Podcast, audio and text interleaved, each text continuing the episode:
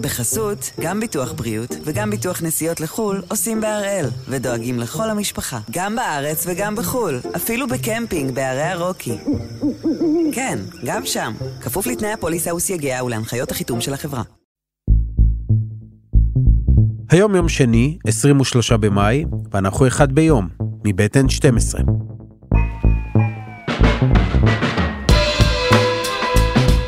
אני ירון אברהם, ואנחנו כאן כדי להבין טוב יותר מה קורה סביבנו, סיפור אחד ביום, כל יום.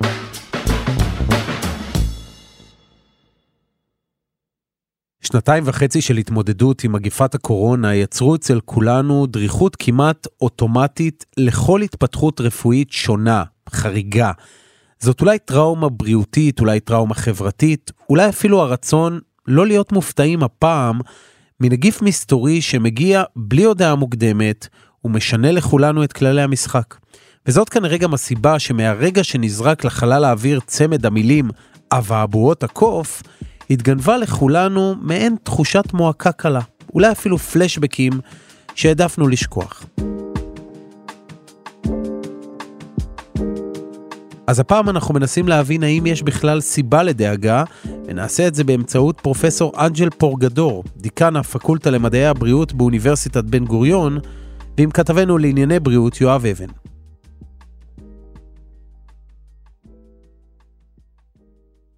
יואב שלום. שלום ירון.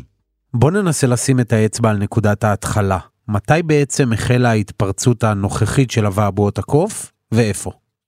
היא התחילה באירופה, יש אה, בבלגיה ויש בבריטניה וספרד, כמה מדינות במערב אירופה, וזה מה שתפס את תשומת ליבם של המומחים ועורר את דאגתם.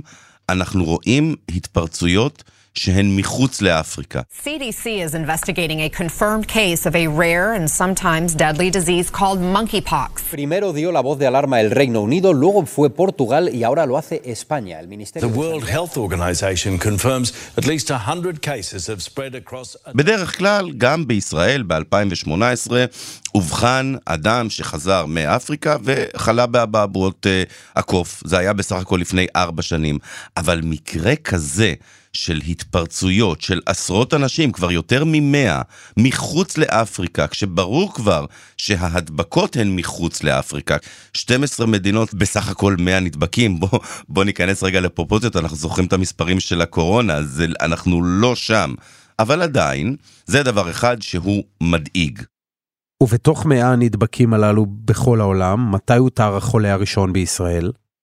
בהתפרצות האחרונה לפני מספר ימים, אדם שבשנות ה-30 לחייו, ששב מנופש בבלגיה, היה לו חום ופריחה, ולאחר שנלקחה ממנו דגימה שנשלחה למכון הביולוגי, אגב, המקום היחיד בישראל שיכול לזהות את הווירוס הזה, אז התקבלה שם תוצאה חיובית שאכן מדובר באדם שנדבק באבעבועות אה, הקוף, הוא מאושפז בבידוד, באיכילוב במצב קל, הוא מרגיש טוב, הוא לא קיבל את המחלה אה, בצורה הקשה שלה, וזה היחיד כרגע בישראל שיש לו אה, אישור סופי מבדיקת מעבדה שהוא אכן נדבק במחלה. מקרים אחרים שהיו חשודים נשללו בינתיים. אז בואו רגע נדבר על ההיערכות של משרד הבריאות, כי, כי כמו הציבור, גם משרד הבריאות בעצם למוד קורונה של שלוש שנים אחרונות, והשאלה איך משרד הבריאות מנסה להתמודד עם הסיטואציה הזאת. אולי בשני מובנים, גם במובן של הבדיקה והעמקה של המחקר, וגם במובן של התיווך של המחלה הזו לאזרחים. אז קודם כל הם באמת, אה, לפחות היום, מאוד מנסים להרגיע ולהבהיר ולהדגיש שאנחנו לא במקרה כמו של הקורונה. אנחנו הרי יודעים שזה וירוס שהוא לא מאוד מדבק, הוא עובר כמעט רק במגע, בניגוד למשל לווירוס הקורונה או לווירוס של חצבת או ולווירוסים אחרים שהם עוברים אה, ממש בקלות באוויר. הווירוס הזה הוא הרבה יותר מפונק, הוא הרבה פחות מדבק, הוא בדרך כלל צריך ממש מגע רצוי של אותן אה, שלפוחיות. האופייניות למחלה. וזאת גם מחלה שאנחנו כבר uh, מכירים אותה, שוב, זאת לא מחלה uh, חדשה, ושיש לה חיסונים ושיש לה uh, תרופות. הדבר הכי חשוב uh, כרגע, הרופאים בקופות החולים עודכנו, שברגע שיש אדם שהוא סובל מחום ומפריחה שאין לה הסבר אחר, צריך להפנות אדם כזה למיון, ושם אה, ימשיכו את הטיפול ויבדקו האם אכן מדובר באבעבועות הקוף, או שזאת אה, אזעקת שווא, כמו שני המקרים הנוספים היום בבית החולים ברזילי שנשללו. זה דבר ראשון. אה, דבר שני, מביאים לארץ עוד שני סוגים של תרופות שיכולות לטפל במחלה עצמה, אם אה, חלילה נזדקק לזה בהמשך, וכאמור, בואו נזכיר, יש לנו רק חולה אחד בישראל, אנחנו לא צופים כאן אה, מגפה, אבל אנחנו כן מחכים לכמה תשובות שיסבירו לנו למה יש את ההתפרצויות האחרונות מחוץ לאפריקה ומה המשמעות שלהן.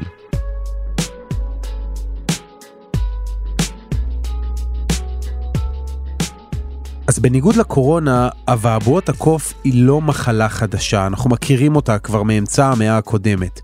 אבל מה אנחנו יודעים עליה? ומה אנחנו בעיקר לא יודעים? שלום לפרופסור אנג'ל פורגדור, דיקן הפקולטה למדעי הבריאות באוניברסיטת בן גוריון. שלום לך ירון. אנחנו מדברים על התפרצות חדשה ורחבה בימים האלה באופן יחסי, אבל מתי לראשונה אובחן בעולם מקרה מאומת של המחלה? אה, לדעתי הווירוס הזה זוהה עוד בשנות החמישים בדגימות של קופי מעבדה, ואני חושב שהתפרצויות ראשונות הוא דווחו באפריקה עוד בשנות ה-70. והסיבה שזה קיבל את השם כי זה אובחן, או נמצא לראשונה בקופים, קופי מעבדה, אבל הקוף הוא לא המארח הטבעי, אלא מכרסמים באפריקה, הם המארחים הטבעיים של הווירוס הזה. אה, בהחלט אה, לא קשור לקופים באופן עיקרי, זה רק המקרה הראשון שזוהה. היו שתיים שלוש מקרים של יציאה מחוץ למעגל הזה של מערב אפריקה או של מרכז אפריקה. היה דיווח על התפרצות בארצות הברית קטנה בהתחלת שנות האלפיים, איזושהי חנות שהביאה מכרסמים אה, אקזוטיים במרכאות מאפריקה והייתה התפרצות מסוימת. כל ההתפרצויות, הן באפריקה והן מחוץ לאפריקה, היו מאוד מוגבלות. אז בוא רגע נדבר על המחקר על המחלה הזו, כי מה שאתה אומר זה מבוסס על לא הרבה מקרים. מה בכל זאת אנחנו יודעים? איך נדבקים במחלה? זה לא משהו שקל להידבק בו כמו שראינו בקורונה. ההידבקות הראשונית, לפחות באפריקה, היא מנשיכה של אה, מכרסמים או מאכילת בשר מכרסמים. כמובן שאם כבר אדם נדבק, אז אם אתה נוגע בפצעים שיש לו על האור, אתה בהחלט יכול להידבק. אה, יש גם, הווירוס הזה נמצא בריריות, אז גם מגע בין ריריות, בין אדם לאדם, יכול להידבק, ויש דיווחים מסוימים על מה שנקרא airborne, שאם אתה נמצא בסביבת אדם מסוים הרבה מאוד זמן בחדר סגור, אז אתה יכול להידבק גם מהווירוס הזה שכנראה יוצא מדיבור של אדם אחד ועובר אליך, אבל שוב, אין להשוות בין יכולת ההדבקה של הווירוס הזה לבין יכולת ההדבקה ההרבה יותר גבוהה אה, של וירוס הקורונה. אילו תסמינים מפתח מי שנדבק, ואולי לא פחות חשוב, מתי התסמינים האלה מתחילים להופיע?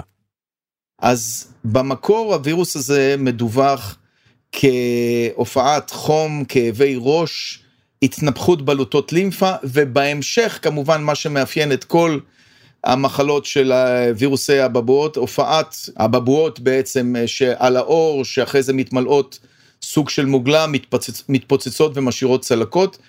הופעת התסמינים יכולה להיות בממוצע בין 10 ל-21 ימים אחרי החשיפה הראשונית. כמובן, יכול להיות קצת לפני, קצת אחרי. אז אחד היתרונות במרכאות של ההדבקה בווירוס הזה, שיש תסמינים, כמעט ואין אסימפטומטיים, ואתה רואה את התסמינים האלה, זה בהחלט מונע הדבקה בין אדם לאדם. אנחנו מדברים בעיקר על מחלה קלה, נכון? בוודאי, יש הבדל. הווירוס שבמערב אפריקה זה גם הווירוס שהתגלה בהתפרצויות באירופה, זה מחלה קלה אבל עם אחוז תמותה עד 1% מהנחשפים ללא טיפול. זה שבמרכז אפריקה שלא יצא כרגע ולא אין עליו שום דיווח באירופה ולדעתי גם לא באפריקה כרגע, זה יכול להגיע עד ל-10% תמותה. אני מדגיש שוב ללא טיפול וחשוב מאוד להדגיש שלווירוס הזה יש גם חיסון וגם טיפול. חיסון שקיים מאות שנים, שזה בעצם החיסון לאבעבועות שחורות שהוא יעיל כנגד הווירוס הזה ב-85% ממקרי החיסון, ויש גם טיפול, תרופה שפותחה לכל ההדבקות של משפחת הפוקס וירידה, שהוא בהחלט יכול לעזור גם במקרה הזה. זה בניגוד, שוב, לכל מי שמתחיל לחשוב קורונה שוב, למה שהיה בהתחלת הקורונה, לא היה לא חיסון ולא טיפול. אבל אתה יודע, הזכרת כמה נקודות במהלך העשורים האחרונים שהיו התפרצויות בהיקף זה או אחר, בדרך כלל בהיקף קטן.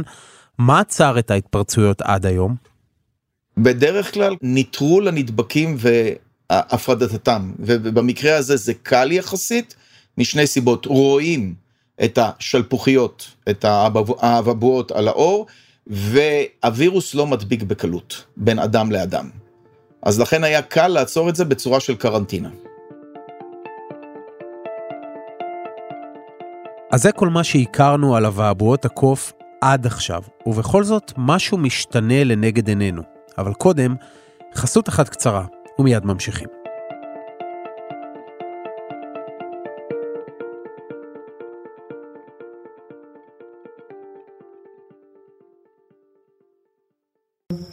בחסות, גם ביטוח בריאות וגם ביטוח נסיעות לחו"ל עושים בהראל, ודואגים לכל המשפחה, גם בארץ וגם בחו"ל, אפילו בקמפינג בערי הרוקי. כן, גם שם, כפוף לתנאי הפוליסה וסייגיה ולהנחיות החיתום של החברה. פרופסור פורגדור, בוא נדבר על מה שקורה ממש עכשיו. איך מסבירים בארגון הבריאות העולמי, אולי במקומות אחרים בקהילייה הרפואית, את העלייה הפתאומית שאנחנו רואים במקרים המדווחים?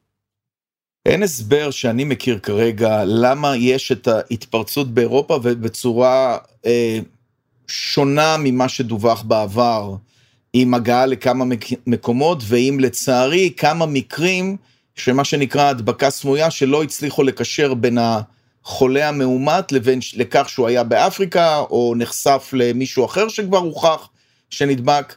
זה קצת מדאיג, אבל עדיין זה לא צריך להרים כל כך הרבה דגלי אזהרה אדומים.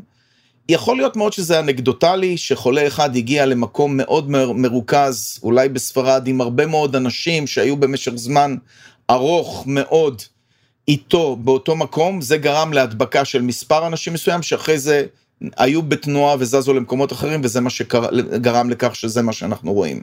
עדיין סביר להניח אנקדוטלי, ועדיף לא לחשוב על האפשרות השנייה.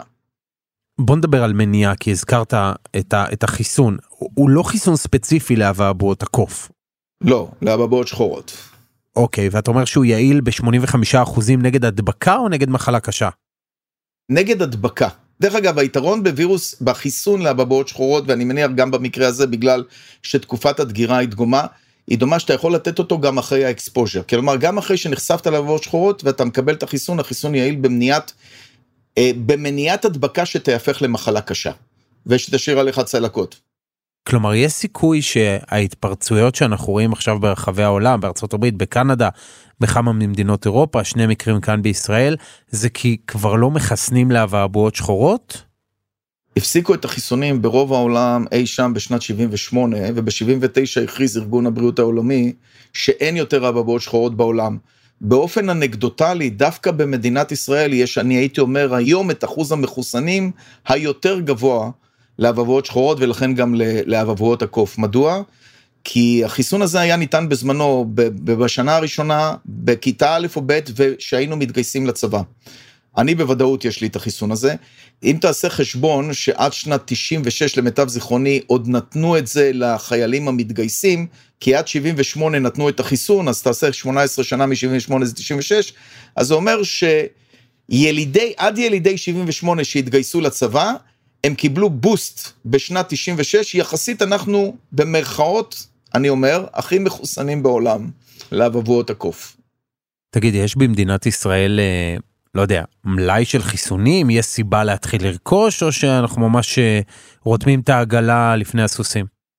שאלה מצוינת, אני מניח, אה, תראה, בזמנו שהיה את הסיפור של מלחמת המפרץ, סדאם והסיפור שהוא החזיק שם גם מחסנים של אבעבועות שחורות, היו, עשו בארץ חיסונים וגם לדעתי חיסנו עובדי רפואה בזמנו, אי שם בהתחלת שנות התשעים. אני מניח שיהיה קל לייצר את החיסון הזה בכמויות גדולות, כי כבר ייצרו אותו במשך עשרות שנים, בתקופה לא ארוכה. השאלה היא אם לתת אותו או לא, מכיוון שהחיסון הווקציניה, שנתנו אותו עד שנת 78 בכל העולם, הוא חיסון שעושה תופעות לוואי. לפני 50, 40, 30 שנה, ונוכח המושג הבאות שחורות, לאף אחד לא היה אכפת מהתופעות לוואי. היום, אתה יודע שכל חיסון נבדק בשבע עיניים, מישהו היה אומר שאולי עדיף לתת את הטיפול ולבודד את החולים מאשר להתחיל לחסן את האוכלוסייה. ויכול להיות גם שהוא צודק. אז בוא ננסה לסכם פרופסור, כי אם אני ככה שומע בין השורות, אתה לא דואג. כרגע לא, ממש, ממש לא.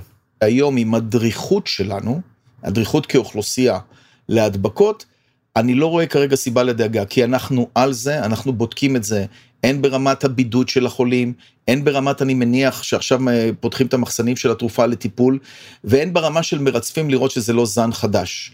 כל האלמנטים האחרים שמדברים עליהם, כמו ריחוק ומסכות לאב וזה, לא צריך עדיין, אבל מה שטוב בעסק הזה, מעבר לעובדה שהווירוס הזה לא מדביק כמו הקורונה כרגע, יש לו חיסון ויש לו טיפול, זה שאנחנו מודעים לכל מה שקורה ועוקבים בשבע עיניים, ולכן כרגע אני לא רואה סיבה לדאגה, גם בגלל רמת הדריכות של ארגוני הבריאות במדינות השונות.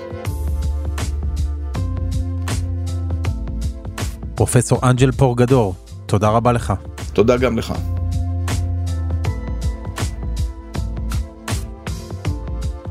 אז למדנו שהמחלה התפרצה כבר מעבר לגבולות אפריקה, שאפשר להידבק באמצעות מגע אורי או רסס טיפתי בכמות גדולה, או בשהות ארוכה מאוד ליד אדם חולה.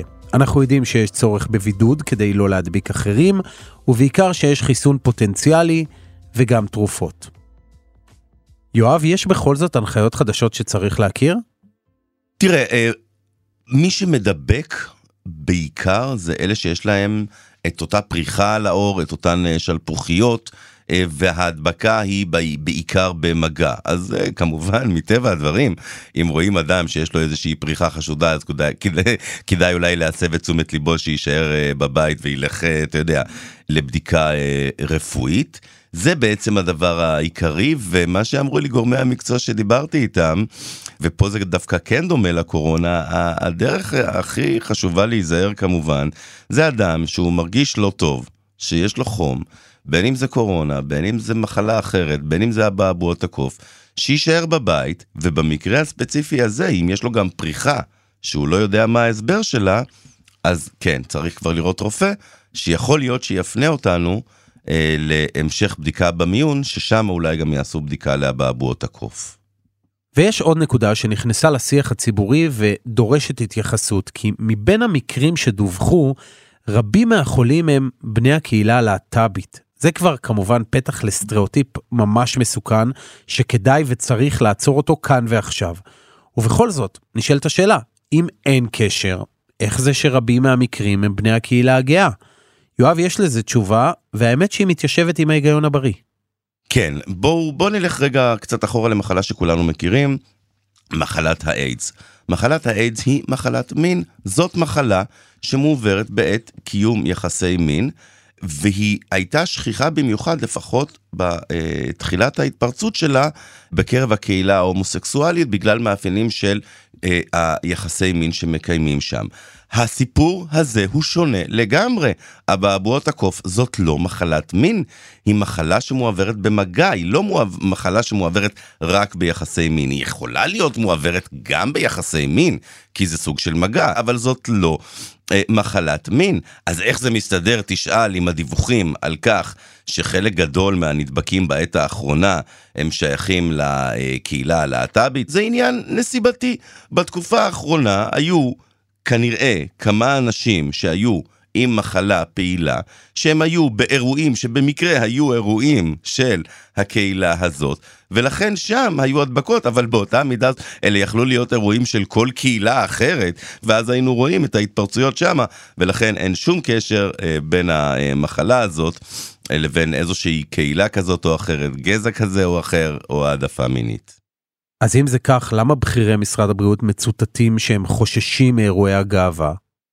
בגלל שאלה הולכים להיות אירועים מאוד מאוד גדולים, עם הרבה אנשים, והרי הרגע הסברנו שההדבקה היא עוברת במגע, אז באותה מידה גם אם תהיה עכשיו, אה, אני לא יודע, אה, הופעה אה, של אלפי אנשים באיזשהו מקום סגור, עם הרבה אנשים שרוקדים ושרים וקופצים ושותים וזה, אז גם שם זה יכול להיות הדבקה, פשוט מה שכרגע מתקרב אלינו זה, זה חודש הגאווה, אבל שוב, זה רק צירוף מקרים. אז כן, למרות שזה לא עולה בקנה אחד עם הדרמטיזציה והפאניקה שמדי פעם אפיינו את השיח הציבורי, גם התקשורתי, בואו נודה על האמת בשנתיים וחצי האחרונות, דווקא אבעבועות הקוף, למרות השם המלחיץ, היא מחלה שאפשר להתמודד איתה די בפשטות, בטח בהיקפים הנוכחיים שהותרו בישראל. יש תרופות אנטיווירליות שאפשר להשתמש בהן אם חלילה נדבקים, החיסון נגד המחלה קיים ויעיל באחוזים מרשימים למדי, ובקיצור, אפשר לקחת אוויר, לפחות בינתיים. היום אפילו גורמי מקצוע בכירים במשרד הבריאות אמרו לנו, תפסיקו לדווח על זה כל הזמן, אתם, אתם בעצם בעצמכם, התקשורת, גורמים לפאניקה בציבור, אין לזה סיבה, אין בזה צורך, זה מיותר, אבל אתה יודע, תפקידנו לתווך את המידע לציב, לצופים, למאזינים במקרה הזה, בצורה מאוזנת ופרופורציונלית, אז בוא נגיד, לא צפויה מגפה, לא צפויים כאן אלפי נדבקים, אנחנו לא הולכים שוב למשהו שדומה לקורונה. ובכל זאת, יש כאן מחלה נדירה, שבדרך כלל אנחנו רואים אותה רק באפריקה, והנה עכשיו אנחנו מתחילים לראות אותה גם במדינות אחרות, ולכן חשוב להשלים את הבירור ולהבין מה גורם לזה, כדי שנוכל להתמודד, אבל המחלה הזאת כאמור היא הרבה פחות מדבקת ומסוכנת. יואב, תודה רבה. תודה רבה.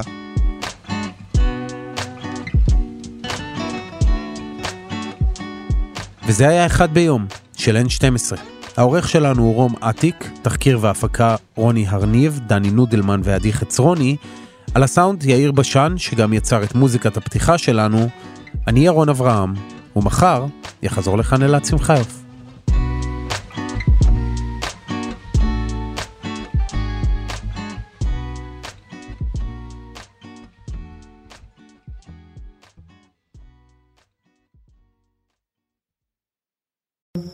בחסות, גם ביטוח בריאות וגם ביטוח נסיעות לחו"ל עושים בהראל, ודואגים לכל המשפחה, גם בארץ וגם בחו"ל, אפילו בקמפינג בערי הרוקי.